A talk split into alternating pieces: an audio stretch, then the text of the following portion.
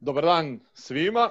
Dobrodošli u još jednu online konferenciju izazovi za lidere u kriznim situacijama koja je posvećena na neki način svemu ovome što nam se dešava. Sačekat ćemo malo, ja ću evo polako napraviti jedan kratak uvod dok se svi polako i priključe. E, treća po redu koju već pravimo i na neki način zbog svih tih nekih reakcija koje smo dobili od vas koji ste pravili, pratili najpre prvu konferenciju pa nakon toga i drugu i onda smo došli do toga da ćemo pokušati da držimo ovaj neki ritam jednom nedeljno da, da e, ukoliko budemo u mogućnosti dobijemo ovaj ovako kvalitetne goste pošto ne želimo da, da taj e, kvalitet e, toga ko su nam gosti obaramo. I iz tog razloga i danas imamo zaista dva sjajna gosta koja imaju onako pregršt iskustva, svašta su nešto preturili već do sad e, preko svojih glava, tako da im ovo nije neka nova situacija, bar što se krize kao takve tiče. Pa e, izuzetno zadovoljstvo da, da vam predstavim e, i Darka Budeča koji je predsednik e, kompanije BAK i e, Gorana Kovačevića koji je direktor e, Gomeksa. E, da im se obojici zahvalim na, na vremenu odvojenom za, za ovaj današnji uh, segment koji ćemo imati, gde ćemo se opet, kažem, potruditi da vam damo možda i mogućnost uh, da pitate neka vaša pitanja, znači imate Q&A sekciju ovde, slobodno postavite pitanje neko koje budete imali, ja ću se potruditi da to ispratim i da možda eto prenesem ovaj gostima da daju odgovore. Pa evo za početak ovako kako mi stojite na ekranu, Darko je gore ovaj prvi da poželim Darku zvanično dobrodošlicu e, i zahvalnost sa moje strane na odvojenom vremenu. Darko, evo za početak e, neki osvrt na situaciju kako je BAK kao kompanija dočekao najpre sve ovo što se dešava sa koronavirusom i kako se prilagodio celokupnoj situaciji. Pa evo ovako, znači koronavirus uh, je iznenadio sve i svetsku zdravstvenu organizaciju, pa je iznenadio apsolutno i sve privrednike. Mislim da je jako mali broj uh, ljudi u svom portfoliju rizika ovaj, ubacio viruse. Tako da ovo je nešto s čime se većina susreće prvi put. Uh, ne mogu da kažem da nas je potpuno iznenadio, da smo sticajem okolnosti pratili, bar ja sam pratio ovaj, situaciju u Italiji od uh, samoga početka i shvatio sam da je veoma ozbiljna situacija i da u tom trenutku u Srbiji je bila neka neverica da je to neka teorija zavere, da nije ništa, da je to nešto što ovaj, nema logike da nas ukoči, zakoči, da nam predstavlja probleme ali, kažem, pratići ovaj, jadni italijani koji su nastradali pre nas, eh, shvatio sam da je situacija vrlo ozbiljna i da treba pripremiti timove za nešto što će trajati jedan eh, duži period i za nešto što može da se ponavlja, što je još gore. A, vreme trajanja nije uopšte određeno, to je najgore u menadžmentu, znači jako je teško praviti planove ako vam je vremenska osa ovaj, beskonačna ili neodređena, tako da neke stvari smo preduzeli intuitivno. Znači, prvo zaštitili smo ljude, ljude smo zaštitili već od januara meseca kada je to krenulo da se, kad sam video da zatvaraju grad od 20-30 miliona ljudi u Kini, shvatio sam da to niko normalno ne bi uradio, da nije izuzetno velika opasnost svetska i odmah smo uveli sve ove visoke mere higijene, to je taman dobro došlo, jer je našim ljudima trebalo mesec dana da se naviknu, to im je sve delovalo smešno, da se naviknu na korišćenje toga i tako dalje, tako da smo mi ovo ispali ispad, ispade na kraju da smo povlačili poteze od 2 do 4 nedelje u napred, što je dobro, i da smo stalno išli ispred nekog talasa, tako da smo mi ljude na home office postali već posle ovaj, Koponika, to je bila ona prva nedelja marta, mm -hmm. tad smo već, e, išli smo sa desetoro ljudi nedeljno, jer e, ljudi to jednostavno nisu, nisu shvatili da moraju da idu, ali poslali smo prvo one koji su preko 60 godina i one koji su hronični bolesnici koji su bile visoko rizične grupe, a oni su prvi otišli, posle toga smo išli u talasima po desetoro nedeljno i praktično nas su jedno deset dana pre bilo kakvih mera u Srbiji, naši su svi već bili na sigurno. Tako da onda smo polako ovaj, u proizvodnji reagovali tako što smo napravili razmah, stancu, odvojili pogone, imamo dve lokacije koje su udaljene, bile 70 km jedno od druge i preduzeli apsolutno sve, skinuli ljude sa gradskog prevoza, organizovali da po dvoje idu u kolima na posao da se vraćaju i onda smo još neko vreme ovaj, radili dok, nismo, ovaj, dok nisu došle ove varedne mere. Kad su došle varedne mere, praktično danas uh, administracija radi na home ofisu, a proizvodnja je tu samo isključivo za borbu protiv koronavirusa, pošto radimo neke specijalne svetnike za laboratorije, za intenzivnu negu i tako dalje, to radimo danas za naše uh, zdravstvo ove, i radimo za švajcarci i za Nemce i to je, da kažemo, jedan deseti deo možda ovaj, proizvodnje koji je angažovan isključivo za borbu protiv korone, ništa više. Ok, hvala Darko. Gorane, dobrodošlica ovako zvanično i tebi. Ovaj, hvala i tebi na, na odvojenom vremenu. Ti si u jednoj isto specifičnoj sad situaciji ovaj, što se tvog posla tiče, e, velo, verovatno neko i veliko opterećenje za, za, za čak i skraćeno radno vreme koje imate i sve, pa me zanima kako ste vi ovaj isto dočekali sve ovo, da li ste se malo pripremali ovaj ranije pre ovoga, shvativši šta dolazi i kako to sve sad izgleda.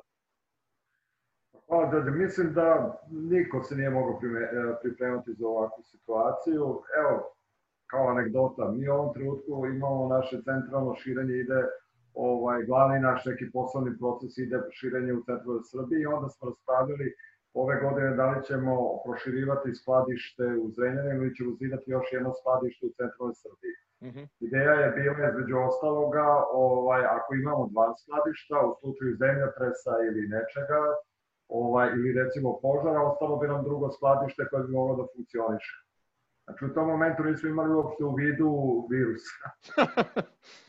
A evo sad se ispostavilo da recimo jedan, ovaj, jedan, jedno dodatno za je upravo to da recimo ako imate dva skladišta, uđe jedno skladište bolest, za drugo skladište može nastaviti da radi. A pošto smo mi sve centralizovani, znači nama prestanak rada skladišta znači da mi radimo na nekih 200 izdvojenih lokacija, međutim ako prestane raditi skladište, sve prestaje. Ovaj, pa gledajte šta, šta su bili neki glavni izazovi kod nas, kod nas je to najviše vezano upravo za ta izdvojena mesta.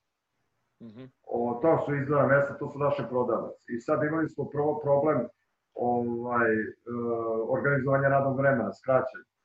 Pa smo onda tu krenuli sa tim da jedna smena radi jedan dan, pa drugi dan je slobodna, onda dolazi sledeći dan drugi radi i tako da se menjaju. Ideja svega toga jeste bila ako se korona pojavi u jednoj smeni da tu smenu kompletno isključimo, dezinfikujemo objekat, a da druga smena može opet da nastavi da radi, pa dok se sve to bude moglo ovaj, raditi. Onda se pojavio problem sa prevozom, zato što znate da nema nekog javnog prevoza. Mm -hmm. A nama ljudi ipak putuju na sve strane. Zato to je u principu nama ljudi gravitiraju 10, 15, 20 km od mesta rada, tako da je to bio. Pa smo isto ovako kao i da ako stalazili se od toga da smo plaćali dodatno ljudima za korišćenje njih automobila, do toga da smo mi naš vozli park usmeravali tamo gde je ključno. Uglavnom ono što je dobro za ove dane, sve od kada je počelo, nijedan dan nismo imali jedan objekat zatvoren. -hmm. Znači, polako smo pojačavali sve te mere, dezinfekcije i svega ostalo. Znači, prvog dana smo krenuli sa nekim četverostrukim merama u odnosu na one mere koje se redovno provode u smislu dezinfekcije i održavanja higijene. Pa je onda bio naravno problem sa maskama. Pa vi samo kad nabavite maske, pa dok još podarite ljudima, vam opet treba neki vremenski period. Tako da je to bio dosta ovako ozbiljan organizacijni problem. I iskreno rečeno, ja sam prezadovoljan kako se to za sada rešava. Znači, najveći deo ljudi je bio vrlo, vrlo ovaj, savesan. Znači, zaista ne mogu reći da smo imali neki bitnih ovaj, poremećaja u radu u smislu da, zato, bilo je onda sad, recimo, mi imamo preko 500-600 žena koje imaju decu mlađe od 12 godina. Pa je onda rekao da televiziji rekao da te žene ne moraju raditi. Da. Pa su se onda kasne kad su videli da to i ne ide tako, onda su počeli izvlačiti. Međutim, mi smo imali tog dana 500-600 pitanja šta da se radi. Mm -hmm. Međutim, na kraju su se mogu da kažem da smo zaista gledali tamo zajednički gde su ta pitanja zaista bila ozbiljna, da je zaista nije bilo drugačije načina, tako da smo delimično izlazili u susret, ali mogu reći da 99% u odnosu na sve to se rešavalo tako što su ljudi imali razumevanje za tu situaciju i snašli se. Onda je tu pitanje, pošto imamo velik broj zaposlenih, to je pitanje primjera ovih ljudi koji imaju neke hronične bolesti. Mm -hmm. Pa sad vi dođete recimo njemu kažete ajde molim ti iskoristi ovo godišnji, godišnji odmor, a on kaže dobro, ali kako ću onda ići na more u 8 mesecu? Tako da, s druge strane, imate zaista ljude koji su bili perfektni, imate, evo mi smo sad u ovu subotu je primjera, ova subota je neradna subota. Mhm. A, međutim, nama će jedan deo prodavnica raditi da bi bile snabdevene za ponedeljak po onom režimu distribucije. I nama se javio veliki broj prodavnica koji kaže, ajde, mi ćemo otići da radimo bez kupaca, ali pošto nam radnje nisu sređene, je zaista teško to raditi, ajde otići ćemo da radimo u subotu, samo da bi sredili radnje da bi ponedeljak rade bile čiste. Znači, to je zaista ovako je na svestom poslu. Ja sam to sad danas odbio iz prostog razloga što smatram da je zaista, sad zaista kritični moment ovaj, da se tako, ta se ipak bolest drži pod nekom kontrolom. I sad je kritičan moment da se ne dozvoli neko lago širenje i bilo šta da nismo ništa uradili. Ali je zaista sam vrlo zahvalan tim ljudima. Mm -hmm. Ok, e, drago mi je baš što si sve to podelio nekako ovaj, e, e, ljudi misle u ovim situacijama lako je njemu, on ima posla, ne shvatajući sa kolikim recimo eto izazovom ti sad koji imaš ovaj e, da kažemo e, možda i povećano tražnju e, za svoj posao, koliko to nosi nekih novih izazova, naravno da ih i ovi koji ne rade imaju, ali ne znači da je tebi sad eto ako sve to ovaj što se tiče tvog posla kao ima tražnje i svega da to ide onako kao glatko i da je tebi super. E, evo da bi bilo jasno, recimo mi smo treći mesec završili sa nekih 115 od 100 ostvarenja plana. Znači tu smo uhvatili jednu polovinu meseca punim tempom, druga je bila skraćena, pa je bila onaj naval i tu su došli do 115. Uh, četvrti mesec zbog ovoga što nećemo raditi recimo uskrs neće biti ni približan kakav je bio ni jedan ni drugi uskrs neće biti pa neće biti trajni subotom mi ćemo završiti vratno negde da oko 65 do 68% prometa.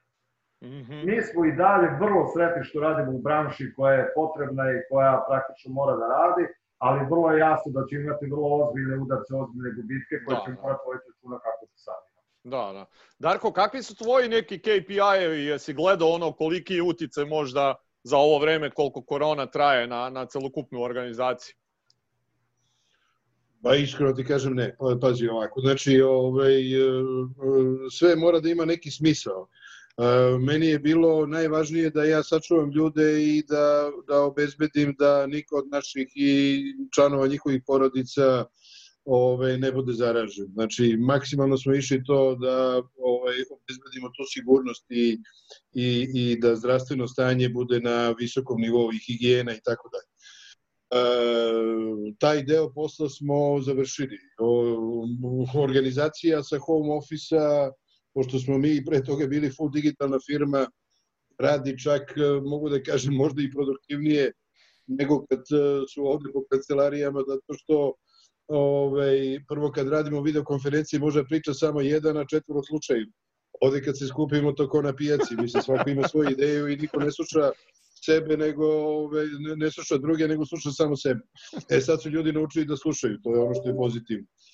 Tako da ove, ono što je meni bitno to je da e, to zdravstveno stanje e, od virusa, čini mi se da smo se odbranili, bar za sada uspešno, da sada da se čuvaju ljudi psihičko stanje ove, na jednom visokom nivou. Znači da se čuvaju moral, da se čuvaju neki radni elan, da ih ne pritiskamo sada sa nekim zadacima koji su ovaj, fiktivni, izmišljeni, mislim, tržište je tako kako je, pala i tražnja, pala i ponuda, ne treba zabadati glavu u pesak, ovo nije trajno stanje, tako da ovaj, nisam se ni bavio tim analizama, zato što mm -hmm. smatram da je ovo jedna tranzicija koja je izazvana sa jednom uh, žestokom uh, i, i brzom reakcijom i isto tako mislim da će ta tranzicija završiti sa jednom vrlo brzom reakcijom, ali će posledice ostati kao srednjoročne ili i dugoročne.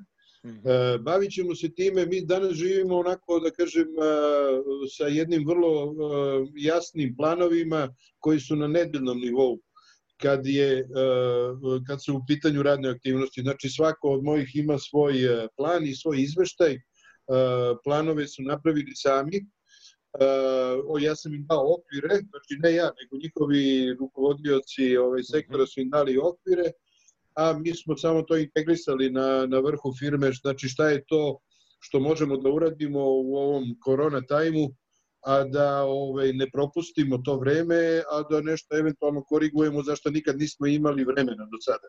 Mm -hmm. I onda su, da kažem, ovih par nedelja je protiklo u tome i to ide onako, da kažem, prilično, vidim da, vidim da je prilično uspešno da smo sačuvali moral svih i da su ljudi vrlo raspoloženi, opušteni, bi baš svejedno što sede kod kuće, ali ovaj, vidim da im nije ni neprijatno i vrlo su konstruktivni, odgovaraju brzo, daju čak i lepe sugestije, znači kreativnost se očuvala, tako da za sada, što kažu ovi amerikanci, ovaj, kad pada čovek ono, sa vrha solitera, pa ga pita ovaj na sredini kako je, ovaj kaže so far so good, znači.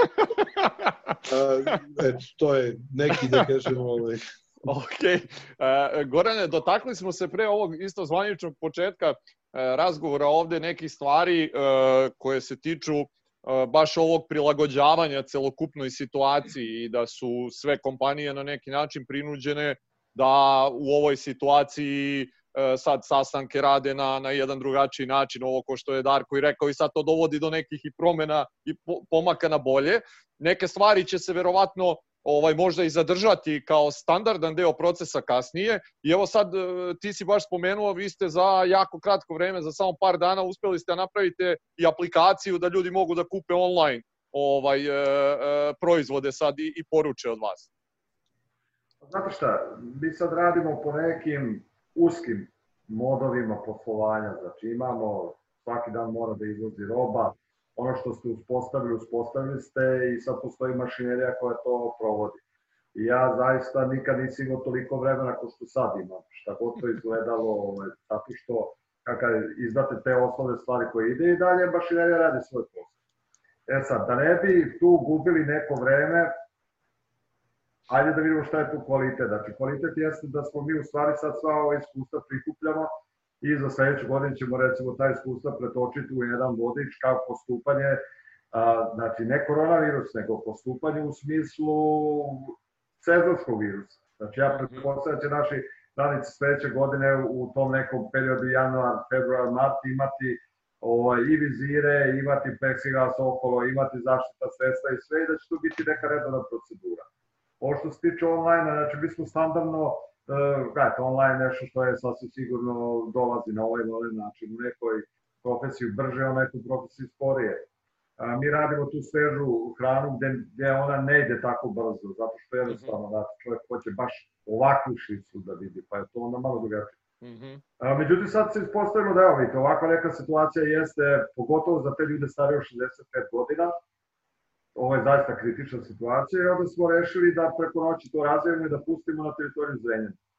E, mi smo to počeli pre jedno 8 dana, je bio završen program, pa smo pustili prvi 100, pa drugi 100, pa treći 100 i u suštini tako puštamo a, malo po malo. Imamo puno podataka o naših kupaca preko kartica, pa onda tražimo te kupce koji su stari od 65 godina, mi im se direktno obraćamo, pa ih mi pozivamo ako žele da to koriste ili ne žele, mm -hmm. zato što jednostavno vi znate da su se sve online platforme sad raspale zbog prevelike potražnje. Mm -hmm.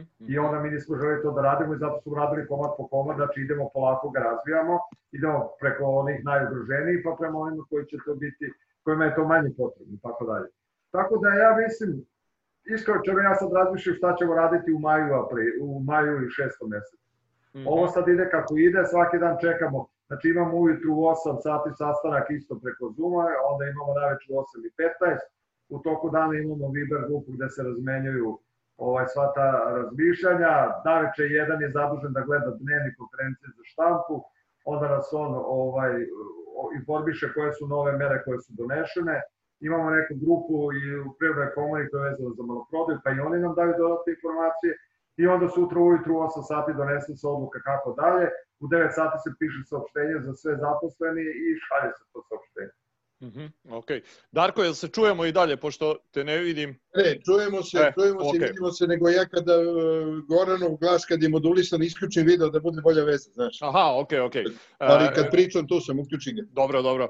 Reci mi ovaj, uh, evo Goran je sad spomenuo i neke stvari kako oni ovaj su neke procese definisali. Uh, zanima me kako ti vidiš ulogu sebe kao lidera u ovakvim trenucima u organizaciji i možda neke savete za ljude koji nas i prate šta oni ako su vlasnici e, nekih, e, bez obzira da li su to male firmice, preduzetničke radnje ili šta god to bilo, kako bi oni i šta bi oni trebali da rade u svim tim nekim situacijama?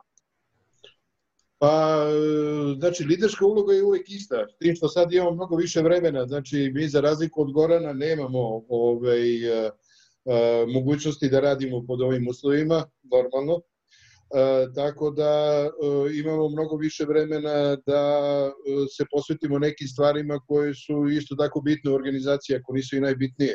Međusobno razumevanje, poboljšanja, razna ne, sugestije, da kažem, na svim, na svim poljima stvarno držimo jednu vrlo intenzivnu komunikaciju. Znači, ta liderska uloga se sada svela praktično na komunika, komunikacijski deo i integrativni deo, da se integrišu svi ti procesi koji ovaj, su drugačijeg karaktera, a koji su zapravo sastavni deo jedne produktivne organizacije i unapređenja koja nismo zaustavili u ovom periodu. Mhm. -huh. Ja se šalim s mojima da, mislim, ovo će verovatno trajati negde do kraja juna, dok se ne normalizuje bar ovaj prvi prvi stepen, ovaj, da nam ne, da nam to vreme ne iscuri, bukvalno, evo, mislim, već je prošlo ovaj, 4-5 nedelja kako smo uh, na, na, počeli da se razilazimo polako iz firme radi bezbednosti i uh, za tih 4-5 nedelja dosta toga smo započeli, ali već vidimo da će nam ovo biti kratak period da sve to i odradi. Mm -hmm. okay. Goran, da, da, da se nadoveže na ovo što kaže. Znači, ta neka pogotovo kod nas ima puno zaposlenih, puno izdvojenih mesta. Je strašno bitno ta jedna čelična kičma upravljanja. Znači mora se tačno znati ko donosi odluke i kako donosi odluke da bi to funkcionisalo. Inače bi ćemo doći u situaciju da će ljudi početi, neće biti sigurni šta treba da rade, a u ovakvim situacijama takva, ta, to, to bi bilo pogubno za sve nas.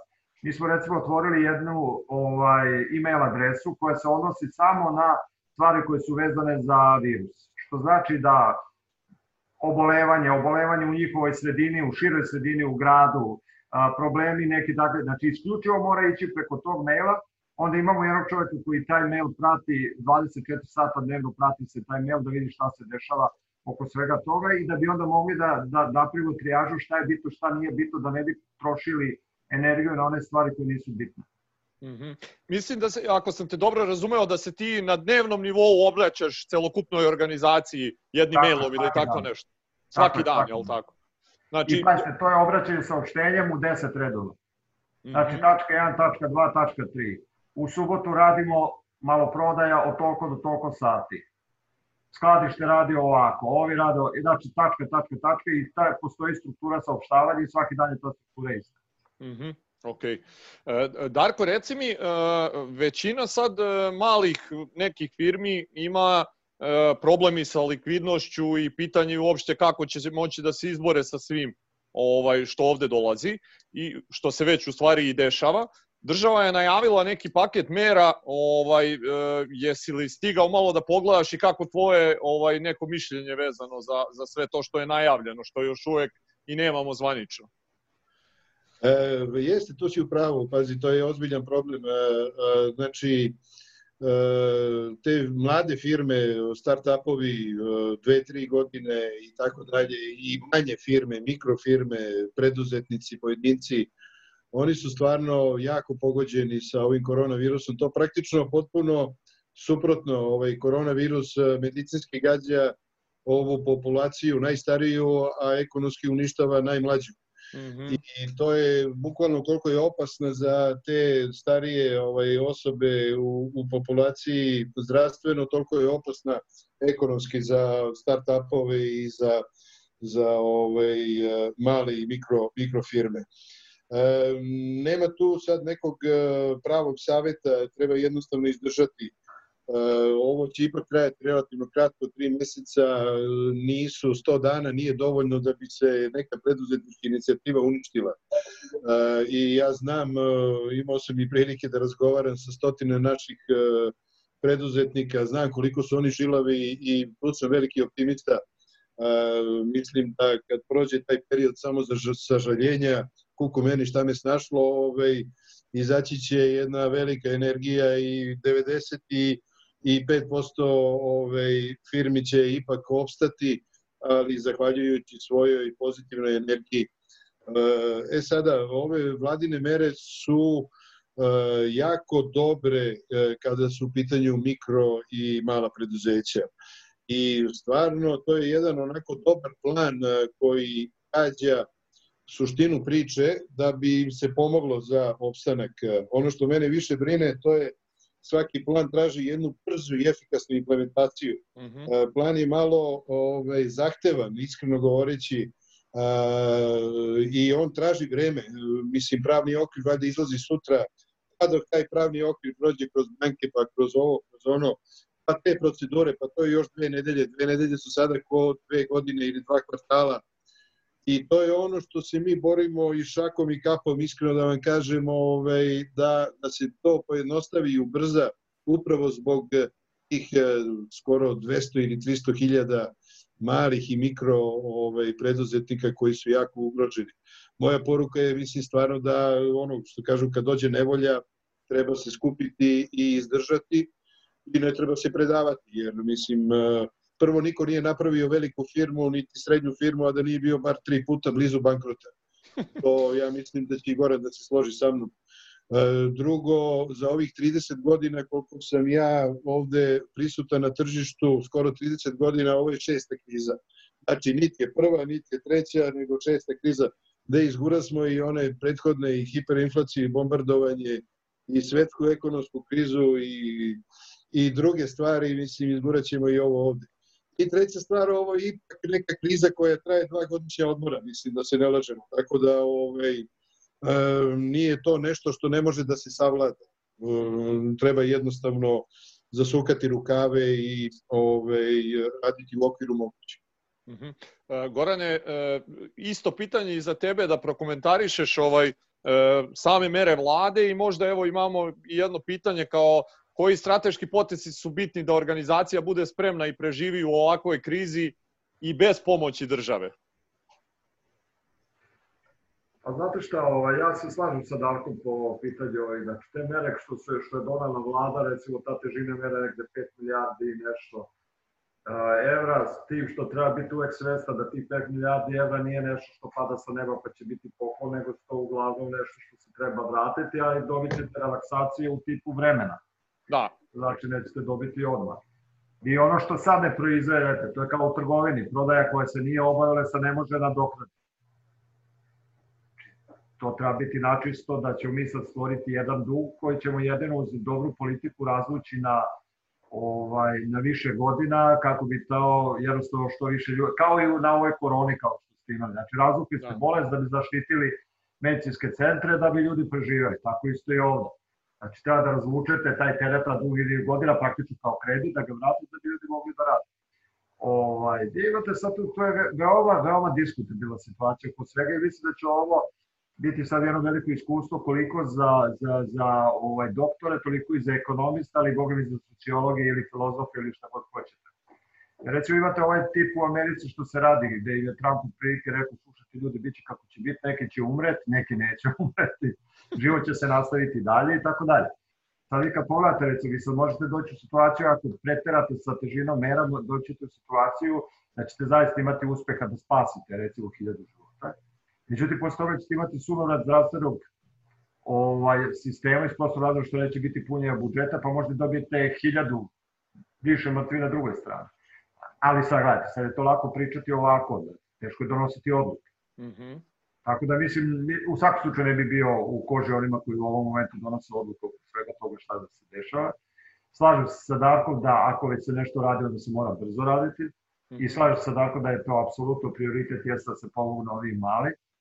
Zato što oni, pa recimo mi imamo neke zakupce ko nas, restorani, ne znam tako neke stvari. Ovo, gledajte, ti ljudi, znači, oni imaju njihov prihod je nula. Da. Vi njemu možete razluđe obaveza ovako ili onako, njihov prihod je nula. Mi smo recimo tu izašli u susret i ovaj, recimo spustili smo kiriju samo na održavanje ono, ovaj, tehničko održavanje, znači to je neki 20% možda od kirije koje jeste, pod uslovom da se ako bude problema, najvjerojatnije ćemo i to alaliti pa šta bude. Znači to je jednostavno, a, sve će se promeniti A suština jeste ovako, recimo, aj sad opet da se vratim na mene. A, vi sad imate neke mere koje mogu biti dobro zaš, e, da budu dobro za, e, zamišljene, ali je problem provedba. Kako ćete je provesti? Znači, bez dobrog državnog aparata nema dobre, dobro proveđenje. Mm -hmm. Nemate dobar državni aparat ako nemate dobro plaćene ljude. Nemate dobro plaćene ljude ako nemate budžet. I sad kad to krenete sve skupa, to vam se tako razvija. Ovih 100 evra što će se pokloniti građanima, znači to je, kažete, jednostavno upupati toliko količinu u, u, sistema, u sistem novca koji će biti kao kiseoni. Međutim, vi zaista možete to, ako imate bolji aparat, možete da upumpate tamo gde je ugroženije. Na kraju ćete dobiti ponovo isti rezultat s tim što ćete imati veću efikasnost. Mm. Tako da je ovo jedno veliko iskustvo za sve. I ja mislim da će privatne firme, u tom je razlike između privatnog i javnog sektora. Da će privatne firme daleko više izvući zaključaka i svega ovoga i daleko bolje se pripremiti za sve dalje. Dok javni sektor, mislim, čim bude ovo sve skupa prošlo, da ćemo nastaviti dalje sa pričom da će biti povećanje od plata od 5%. da, da. Ok, e, Darko, reci mi, koliko je važno za te male e, firme da u ovakvim trenucima i, i komuniciraju što unutar organizacije sa svojim zaposlenima, sa svojim dobavljačima, sa svojom e, sa svojim klijentima, kogod to bio već, e, da zajednički dolaze do rešenja, da ne pokušavaju da, da celokupnu ovu stvar reše sami, jer je ovo samostalno rešiti nemoguće. Ne, apsolutno. E, znači, e, to je najbitnije, Đorđe. Najbitnija je ta komunikacija. Komunikacija mora da bude pravovremena, kratka, otvorena, iskrena. E, treba pitati i te druge partnere u poslu kako se osjećaju, kakve probleme imaju, da li su zdravi.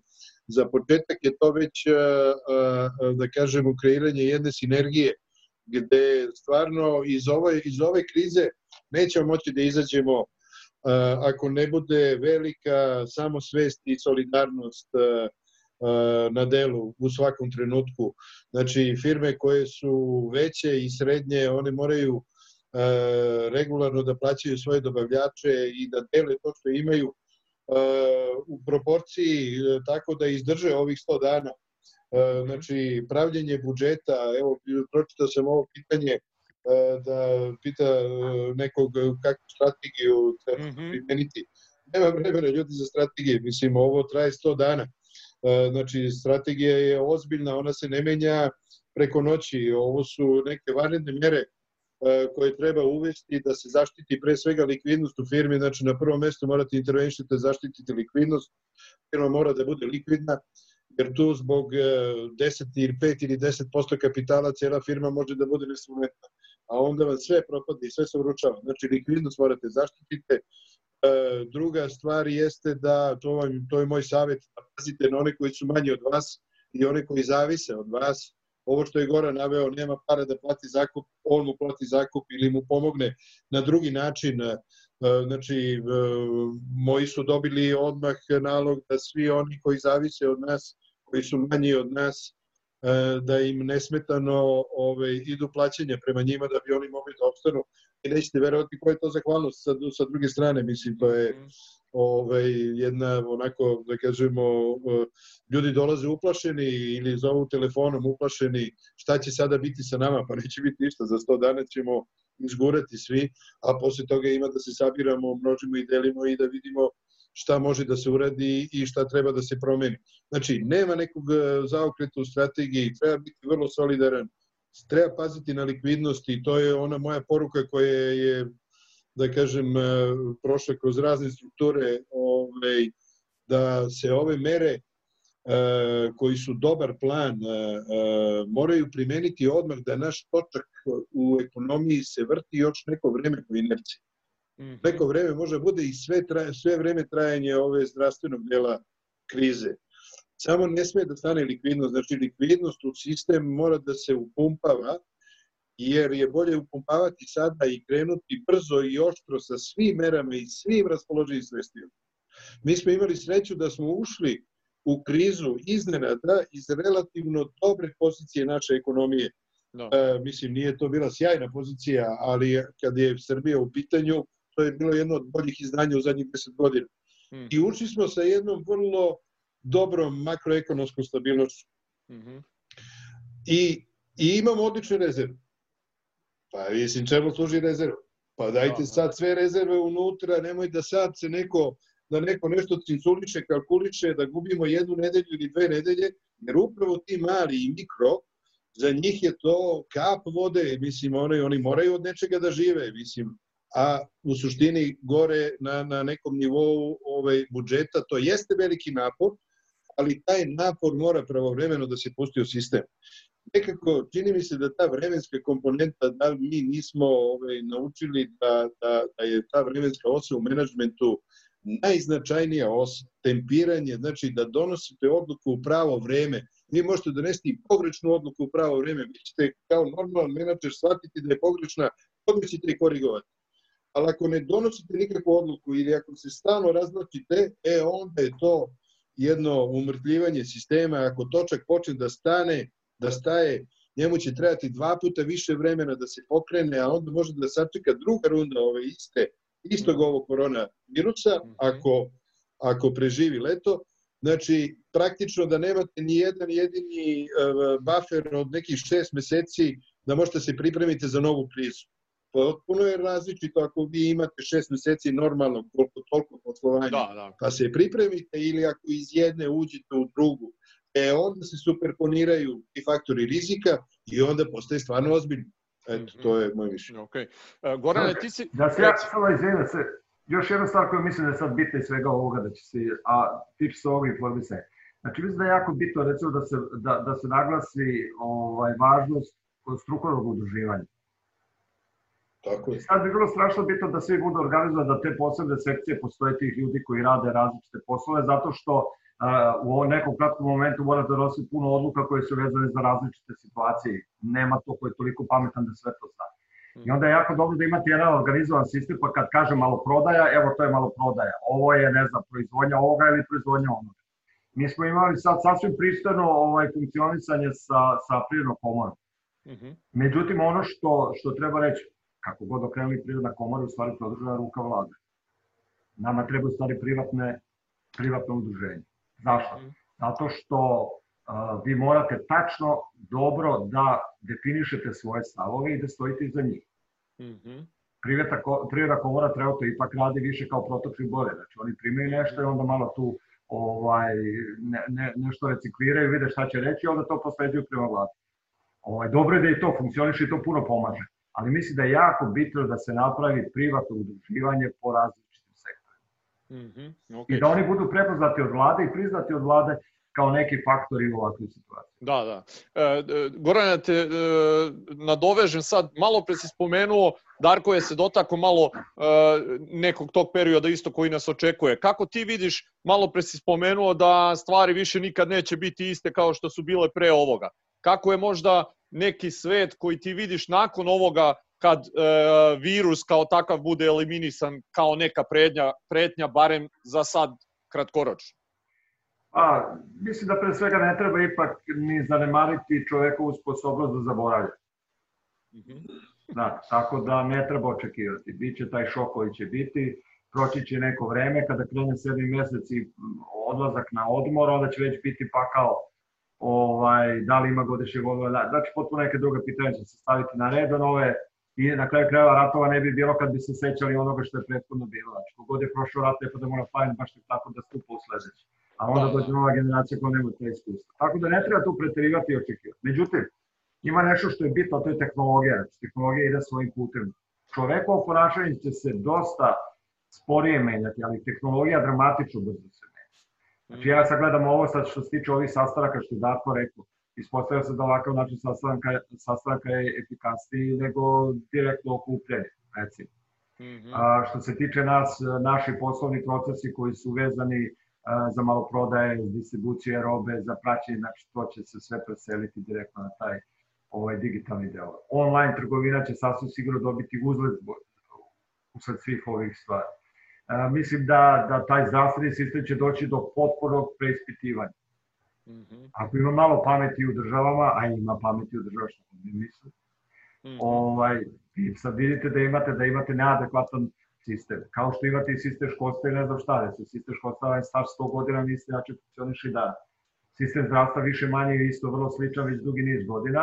E sad, postavlja se pitanje, da li se nama ovakva situacija ovaj, desila zato što se desilo nešto novo ili se u stvari desilo nešto što se inače dešava, ali sad imamo tehničke mogućnosti da to vidimo. Mm -hmm.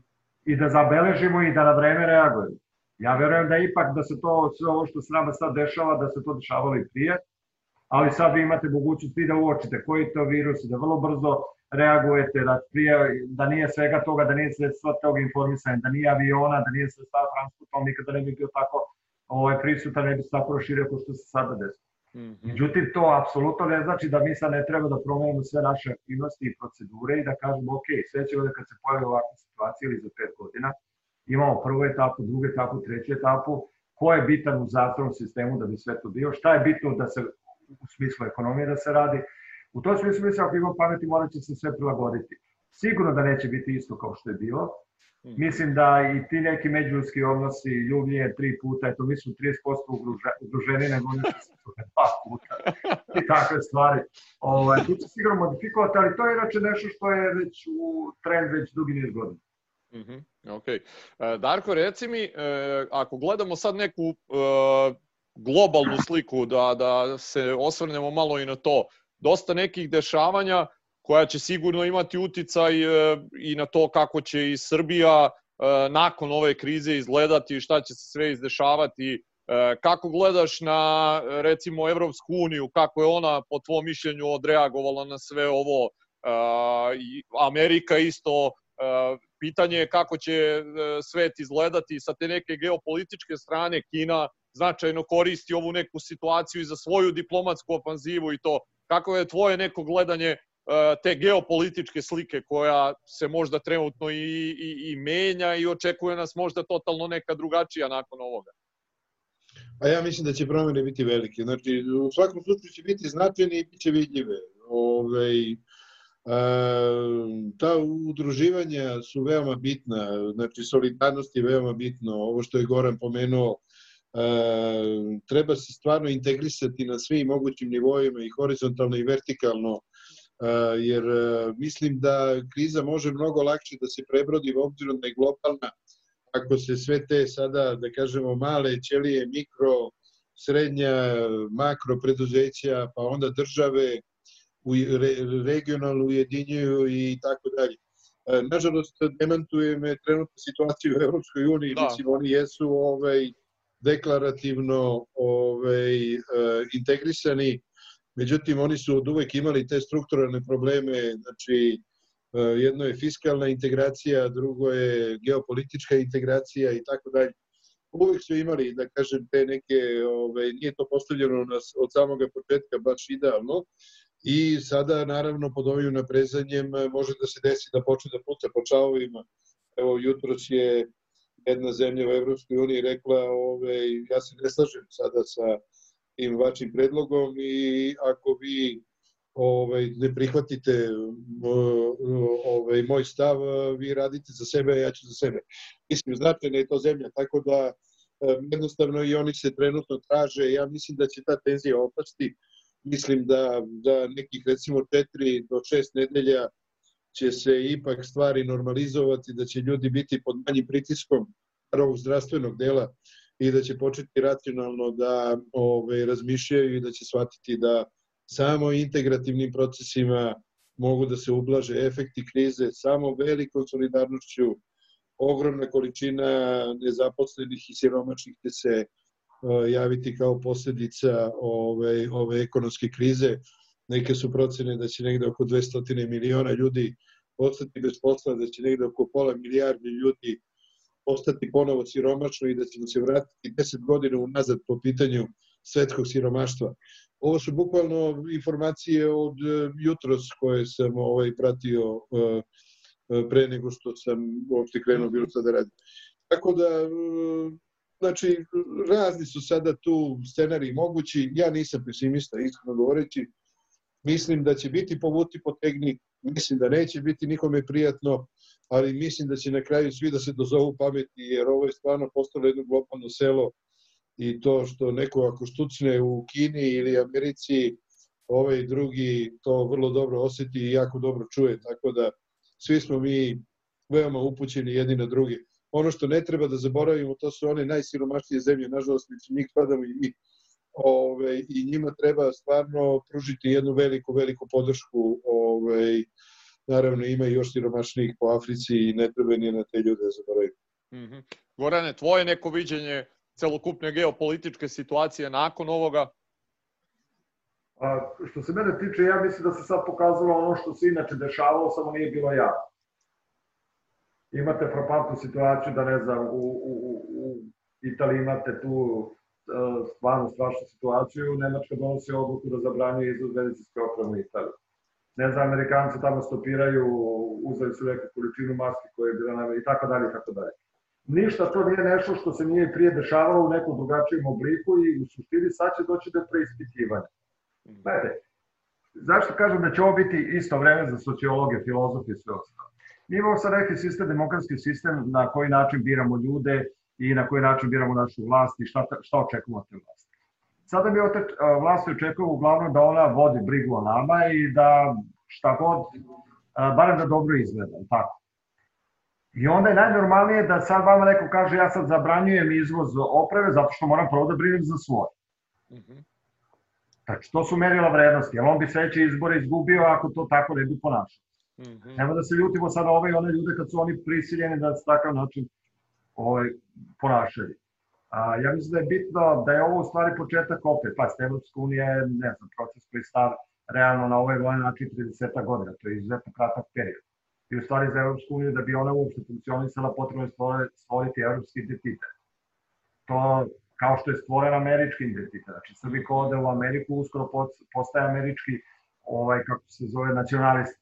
Mm -hmm. Znači ne građani, nego nacionalista američki. Mm -hmm. Da. A sve sa zastavom ispred kuće svake nedelje. Pa, znači mora se razviti taj identitet i to je neki proces. Ja ono što smatram za nas, za Srbiju da je bitno u ovom trenutku, pošto će se ovde pojaviti odmah te tendencije ka zatvaranju, pokušaju da se izoliramo jedni od drugih i sve ostalo. Za Srbiju koja je malu ekonomiju, apsolutno je bitno da ostane otvorena. Apsolutno je bitno da se sve učini da funkcionišemo kroz cijeli svet. Mi imamo sad tu neku politiku koja se veže za sva tri, četiri stuba te ovaj, ekološka stuba koje postoje uopšte u svetu i to ja mislim treba da se nastavi. Jer evo sad Darko, sad kad bi ti rekao, Darko kad bi sad rekao, ajde radit ću samo za srpsko tržište, mogu bi odmah da zatvori firmu. Mm. Čak i kad bi uspeo da spusti neke troškove poslovanja, sasvim sigurno bi mu razvoj prestao. Tako da Srbija, za razliku od Kine, koja ima milijardu i po stanovnika, ne znam, Indija, pa ima svoje interno tržište gde može, ali čak ni oni ne mogu. Da, da. Ali, za zemlju kao što je Srbija, je apsolutno bitno da se uključi svi ljudi koji ovo slušaju, svi koji da, treba da vode računa kako da gledaju da se uključu u svetske tokove i da svoje proizvode plasiraju preko granica. Znači, mhm. što možeš plati ovde, ali nikako ne smiješ da budeš zarobljen, jer ako si zarobljen na samo naše tržište, to je apsolutno ograničavajući ovaj moment. Jasno. E, Darko, e, najava je i Evropske unije i Amerike ogromna sredstva se spremaju da se upumpaju u ekonomiju ovaj nakon svega ovoga. Mislim da da nikad tolika količina novca nije bila upumpana u, u svetsku ekonomiju. Kako ti e, vidiš oporavak e, nakon opet e, pretnje virusa kao takvog da, da će ići? Postoje neka predviđanja da bi ekonomija trebala nakon svega ovoga kad virus bude eliminisan kao pretnja da ima onako neki nagli rast kao što je sad imala neki nagli pad Kako je tvoje viđenje svega toga? Siguran sam da neće biti naglog rasta. Mm -hmm. Znači, uveren sam da neće biti naglog rasta, mislim da će ići više kao slovo L ili kao U, onako, ali jako mm -hmm. razduženo U. Ove, mislim da u naredne dve godine dok se ne izvrši imunizacija krda celog sveta, jer vakcina nije realno da bude puštena ove, na tržište ranije, nadam se da će da je naprave ranije, ali mora se testira, vakcina se ubrizgava e, na milijarde zdravih ljudi, prema tome tu ne sme da bude nikakve omačke, inače pada u vodu kompletna etika i kompletna vakcinacija e, protiv svih bolesti. Znači, siguran sam da, uveren sam u stvari da neće ovaj, vakcina da bude uh, za kraći period od dve godine i uh, u tom periodu znači mora da se izvrši imunizacija uh, svetskog stanovništva. Vidjet ćemo kada prođe ovaj prvi prvi ovaj talas uh, koji procenat je uh, imun pa ćemo onda moći da procenimo drugi talas koji će biti verovatno od 30 do 50% slabiji i treći talas koji će biti opet 30 do 50% slabiji. Uh, ja bih bio sasvim zadovoljan da se mi dobro pripremimo za drugi talas, tako da po teškim uslovima može da više nestaje ekonomija u jakim zemljama kao što su Italija, ne znam, ove, pola Evrope u suštini ekonomija je potpuno stala izuzev u Nemačkoj, delimično u Austriji i delimično u Švajcarskoj, koliko ja znam. Ostali su skoro svi ove, manje ili više na nekom on hold režimu van hrane, medicinske opreme i ovoga. Da, da, da. To mora da radi. Prema tome ovaj, ne vidim brzo poravak. E, mislim da se treba ozbiljno, ozbiljno pripremiti za pad tražnje i ovaj, pad ponude će to naravno da isprati, pad ponude znači redukcija troškova, tako da ovaj, neke stvari ćemo morati da, da prihvatimo onakve kakve jesu. Naravno, da firme ovog formata, kao što smo mi i tako dalje, uvek postoje i različite solucije da se pojača marketing drastično, ako imate kapacitet u kapitalu ili u potencijalu, znači da se u ovom periodu drastično pojačaju marketičke aktivnosti, pretežno digitalne, jer u ovom trenutku ne možete analogne, i da očekujete jačim e, marketingom u prodaji da ćete da nadoknadite taj pad ili možda čak i da prevazićete. Tako da, pošto su naše firme srpske ovde pretežno male firme za evropski kriterijum, imamo drugačiju kategorizaciju, mala firma u Evropi je, koliko ja znam, do 200 miliona prometa evra, naravno.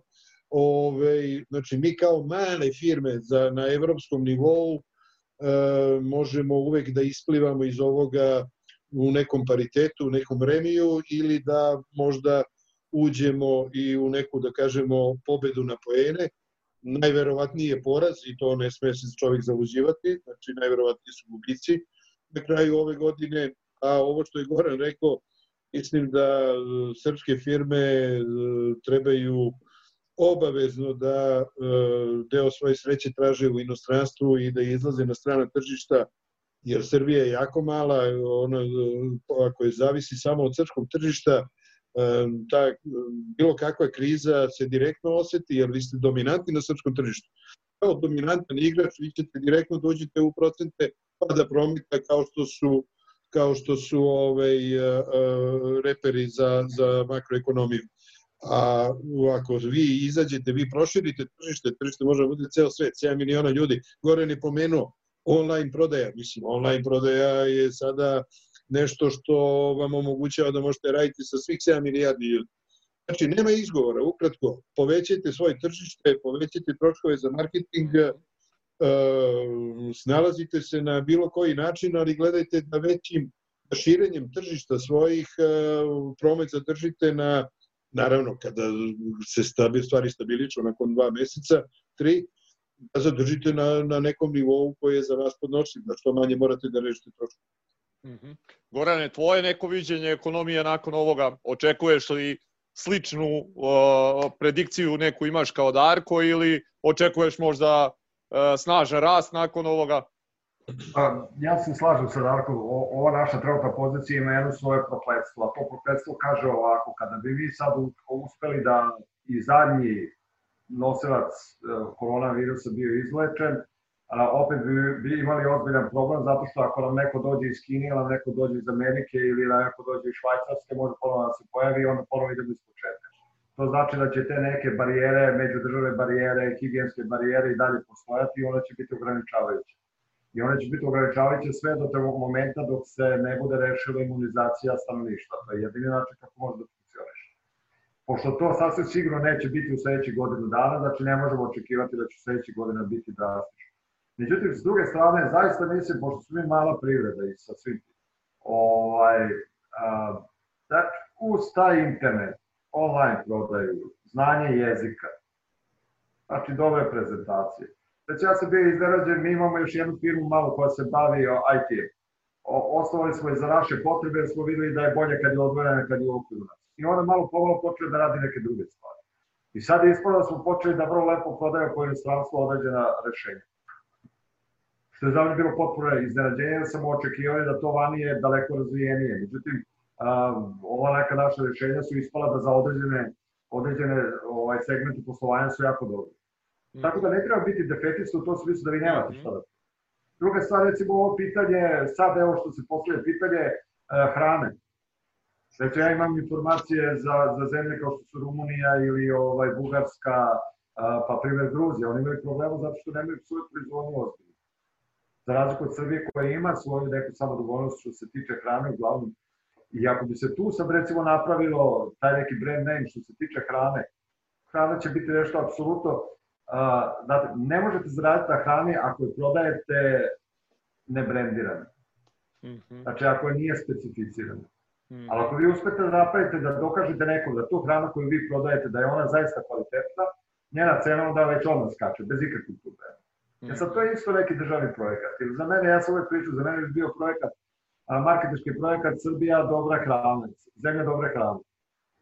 Znači, mi ćemo, naravno da ćemo razvijati IT, naravno da ćemo raditi sve ostalo, nećete više moći da zasejete polje bez IT. Ali ono što je i neka naša prednost u svemu to je, to je jedna tradicija, jedna dobra, ovaj, dobra proizvodnja i vi na kraju kraju možete tu vrlo lepo da zaradite pod uslovom da imate pravi pristup. Mm -hmm. Tako da neće se ovo brzo završiti, može se desiti za dve godine da se ponovi ista situacija. Ako ne izvučemo, ovaj, kako se zove, ako izvučemo određene zaključke i ne prilagodimo naše sisteme onome što se sada desilo, a to pre svega misli za zdravstvene sisteme, mm -hmm. uopšte neće biti jednostavno, imat ćemo u stvari jednu kontinuiranu recesiju. Ta kontinuirana recesija može dovesti a, prvo do raspada svih tih trgovinskih odnosa i svega ostalo što se u zadnje vreme ovaj, pozitivno dešavalo. Tako da treba biti vrlo oprezan i mislim da oni koji upravljaju svetom u ovom momentu državama, da zaista imaju o čemu da razmišljaju. Okay. E, Darko, evo, bližimo se sat vremena već e, razgovora. E, čuli smo dosta ovaj nekih i vaših razmišljanja i praktičnih stvari, šta ste i kako ste ovaj u vašim firmama to prilagodili i neke savete koje ste onako usput dali možda i nekim ljudima koji nas prate šta i kako bi trebalo da rade i na šta da obrate pažnju u nekom narednom periodu. Možda neka tvoja završna poruka Uh, ono već spomenuo si i ti i Goran ste preturili ono već 5-6 kriza preko glave, uh, na koji način uh, da mlađi od vas koji nemaju toliko ovaj iskustava, na šta posebno da se fokusiraju sad, na šta posebno da se fokusiraju nakon svega ovoga što će doći, znači generalno neka tvoja završna poruka za, za kraj ovog našeg razgovora. A sad smo rekli likvidnost i preživljavanje, to je ono što znači da bude onako dovoljno da može da se pojede i popije i da se to podili sa svojim saradnicima. Ovo će proći, ne treba se bojati ovaj, budućnosti. Prošli smo kroz više kriza, uvijek smo našli neki odgovor. Nikada nam nije bilo lako, nemojte mi se lakše reći nego učiniti.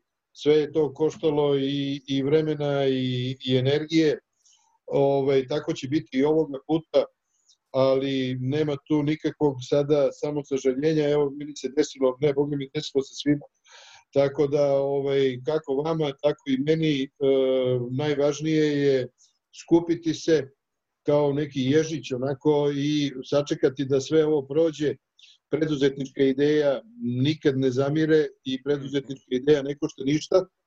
Znači, razvijati te ideje do detalja, udruživati se, integrisati, e, tražiti e, mentore koji su jači, koji mogu da vam pomognu, e, kojima to nije teško i u ovoj situaciji a sa kojima sutra možete da sarađujete, da pravite neka, neke zajedničke kombinacije, joint venture i tako dalje.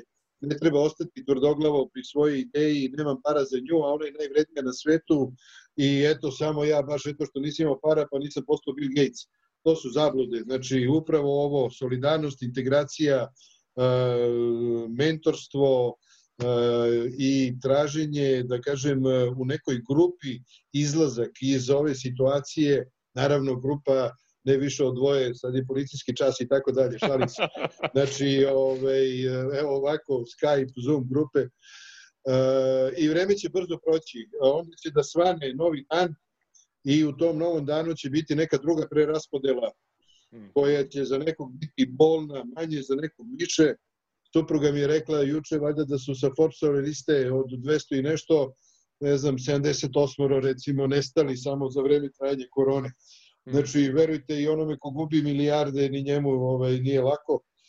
Tako da ovaj, e, svi smo otprilike u nekom istom košu, samo hrabro, napred, gledajte rešenja, nemojte gledati probleme, ako gledate probleme, oni se samo uvićavaju, kad vidite da ne možete da učinite ništa više od toga, onda promenite misli, idite na nešto drugo gde možete da učinite nešto, vreme će brzo proći, a posle toga ostaje ta vaša energija, volja, preduzetnička, ako su ljudi prosto rešeni, ništa ih, brate, neće sprečiti da uspiju, verite. Tako. E, evo sad kad si već e, ispomenuo si tim mentorstvo, pa dok si govorio stiglo je jedno pitanje, pa taman i ti i Goran možete da odgovorite ovaj, na njega. Dakle, e, Rajko Vukojević je napisao, pitanje nije vezano za temu, ali nema mentora, tako da mi je ovo prilika da mogu da ga postavim nekom sa velikim iskustvom. Da li bi bilo bolje tehnološko rešenje i povoljnija cena usluge bili dovoljni da promenite dugogodišnjeg saradnika novim i koje su neke dodatne vrednosti koje bi vas navele na promenu? Darko, ajde ti, pošto, e, pa onda Goran i da odgovori i da da svoju završnu reč. Dakle, pitanje je ako, da li je bi bolje tehnološko rešenje i povoljnija cena usluga bili dovoljni da promeniš dugogodišnjeg saradnika nekim novim i koje su neke dodatne vrednosti koje bi te navele na tu promenu?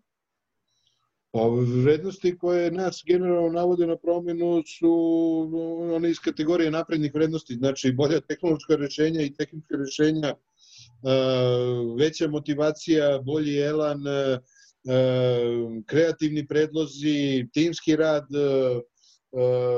to su sve pozitivne kritike, ne negativne kritike, lako ih kritikovati, nego dajte meni kritikuj sa predlogom.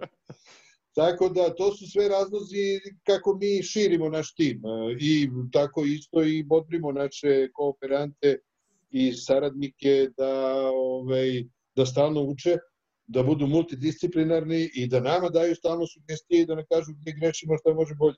Mm -hmm, ok. Uh, Gorane, evo da, da i tebi ponovim pitanje pre nego što ti daš tvoju završnu reč da možda odgovoriš na njega. Da li bi bolje tehnološko rečenje i povoljnija cena usluge bili dovoljni da promeniš dugogodišnjeg saradnika novim i koje su neke dodatne vrednosti koje bi te navele da to uradiš? pazite, svaki od tih elemenata koji su tu navedeni imaju svoju težinu. To znači da sigurno bolje rešenje, jeftinije rešenje ima vrlo ozbiljnu težinu. A s druge strane imate i težinu duge saradnje. Mm -hmm. Znači, ako imate sad nekog svog s kim dugo sarađujete, a vidite da on mesto da ulaže u razvoj, počinje da kupuje jahte, onda ćete sasvim sigurno da slušajte, to baš nije nešto što meni interesuje. Mm -hmm. U svakom slučaju, moj stav bi bio ovako, u ovakvoj situaciji da razgovaram sa mojim dobavljačem koji je dugogodišnji dobavljač, da ga pitam da li može tu uslugu da mi obezbedi po tom, po toj ceni o čemu radimo, ako je sposoban, mm -hmm. nastavili ga, ako nije sposoban, zamenio. Okay. Ali bi mu dao sasvim sigurno šanse i sa svim mm -hmm. da se prilagodi. I gledajte, da. to je osnovna stvar ekonomije, da vi jednostavno ekonomija nema pardona. Vi ako ne budete išli tehnološki napred, vi ćete ići mm. naravno dole. Ako idete mm -hmm. dole nazad, kako ćete završiti. Okay. Svi su završite reči, ja imam samo jedan ovaj, a, savet ima one balade Petrice Kerenpuka od ovoga Krleže, pa kaže nikad nije bilo da nije nekad bilo. Ili nikad, nikad nije bilo da nije nekako bilo. Znači ovakve pozicije su već bile poznate u svetu, pa su ljudi preživljavali, a bilo je na kraju kraja i gori pozicije što je ova. Tako da sam ja ubeđen da ne treba uzimati zaista taj neki negativni scenarij u smislu sve je propalo. E ono što bi ja predložio svakog od i što bi ja inače uvek predložio da se radi, imate ono jednostavnu SWOT analizu ovaj, koji ljudi otprilike uče u školi i rede i onda kasnije u svom poslovanju reći Nikad. ovaj, znači uzmete papir, papir i olovka su sjajna sredstva, bez obzira na sve, možete pisati na kompjuteru. I napišete gore šta je to najgore što vam se može desiti, šta je to najbolje što vam se može desiti. Kada to stavite na papir i kada počnete razmišljati stavku po stavku, onda će se početi re, negde ređati neka rešenja. I onda ćete vidjeti šta je od onoga što je u ovom momentu što je aktualno koda šta je zaista bitno, a šta je manje bitno. Pa ćete ga početi po tom slagati. Znači, evo moj savjet, uzite papir i olovku ili na kompjuteru i pišite šta je najgore što mi se desi, može desiti, šta je najbolje što mi se može desiti. Kad to budete prošli kroz sve to skupa, ne ćete početi nazirati rešenje. Ok, evo stiglo je još jedno pitanje pa da ispoštujemo, kratko ćemo samo od Svetožara Žarkovića. Ako se dešava da su radnici produktivniji od kuće, da li smatrate da će posle ovog vanrednog stanja više tražiti od njega da rade od kuće ili ćete tražiti i dalje da radi iz prostorija firme? Darko, kratko. Ja ću da tražim od njega da radi od kuće. Dobro, Gorane, ti? Ja sam isto pristalica toga, iako mislim da su firme u suštini konzervativne i da, da se celi taj proces vrlo polako menja. Ali suštinski da. Ok. Uh, jesi hteo, Darko, nešto da dodaš? Jesam, ovaj, iskreno ti kažem, ja ove moje već dve godine teram da rade od kuće kad god mogu i koliko god hoće. I nikoga nisi mogao da pomeriš sa radnog mesta, to je neverovatno. Ove, ovaj, svi jednostavno ko magarci vole da dođu na posao. E sada su se već ljudi prilagodili, shvatili su da su i oni i produktivniji i smireniji, tako da mislim da će posle ovoga ovaj, ta ideja biti uh, obilato prihvaćena i što je dobro, pa samo jedan dan, nedeljno nek radi od kuće petak, će da ima ovaj, produženi vikend, potpuno se čovjek drugačije psihološki osjeća. Vrlo je bitna ta psihologija, bitna je sociologija, bitna je psihologija. Nemoj to da se zanemaruju krizi, to su dve naj, najbitnije komponente, jer to se najteže posle isprave. Mislim da je Darko jako dobro rekao ovu jednu stvar, ovaj, ja lično mislim da je vrlo diskutabilan rad od kuće iz mnogih razloga. Znači, pre svega, moj, ja sad vidim kompanije koje razvijaju rad od kuće, pa te programe, pa onda vas snima kamera, pa kamera vam gleda gde vam oči idu, da li ste valno, da li tako, znači, to donosi neke svoje probleme. S druge strane, kad imate ljude na okupu, to onda drugačije funkcioniš. Oni su s jedne strane manje produktivni, s druge strane razmenjuju ideje na bolji način i tako dalje. Ali recimo ova ideja što je sad Darko rekao, da ajde uzmimo pa da u petak radimo svi od kuće, kogod može da radi od kuće to će biti kvalitet više i polako ćete ulaziti u taj sistem. Znači, okay. ne mora biti crno-belo rešenje, idemo polako da. po korak. Da, da. E, gospodo, e, hvala puno još jednom na, na odvojenom vremenu iz vaših e, rasporeda, što ste e, ovaj podelili ova znanja, vaše iskustva, e, zaista neizmerno hvala i od mene i od svih e, koji su nas pratili ovde i koji će gledati ovo e, kasnije na YouTube-u. E, želim što pre da se ovo završi pa da onda lepo sednemo onako ovaj starom licem u lice da se ponovo vidimo. Nadam se da će to uskoro ovaj doći ponovo. Želim vam svako dobro, ostanite zdravi i vi i svi koji nas prate, čuvajte sebe, vodite računa i o sebi i o svojim zaposlenima i o svima u vašem okruženju. Ovaj hvala još jednom panelistima na odvojenom vremenu, vama na, na pažnji što ste nas gledali, pa se vidimo ponovo uskoro. Svako dobro svima. Hvala, čuvajte se. Svima pozdrav.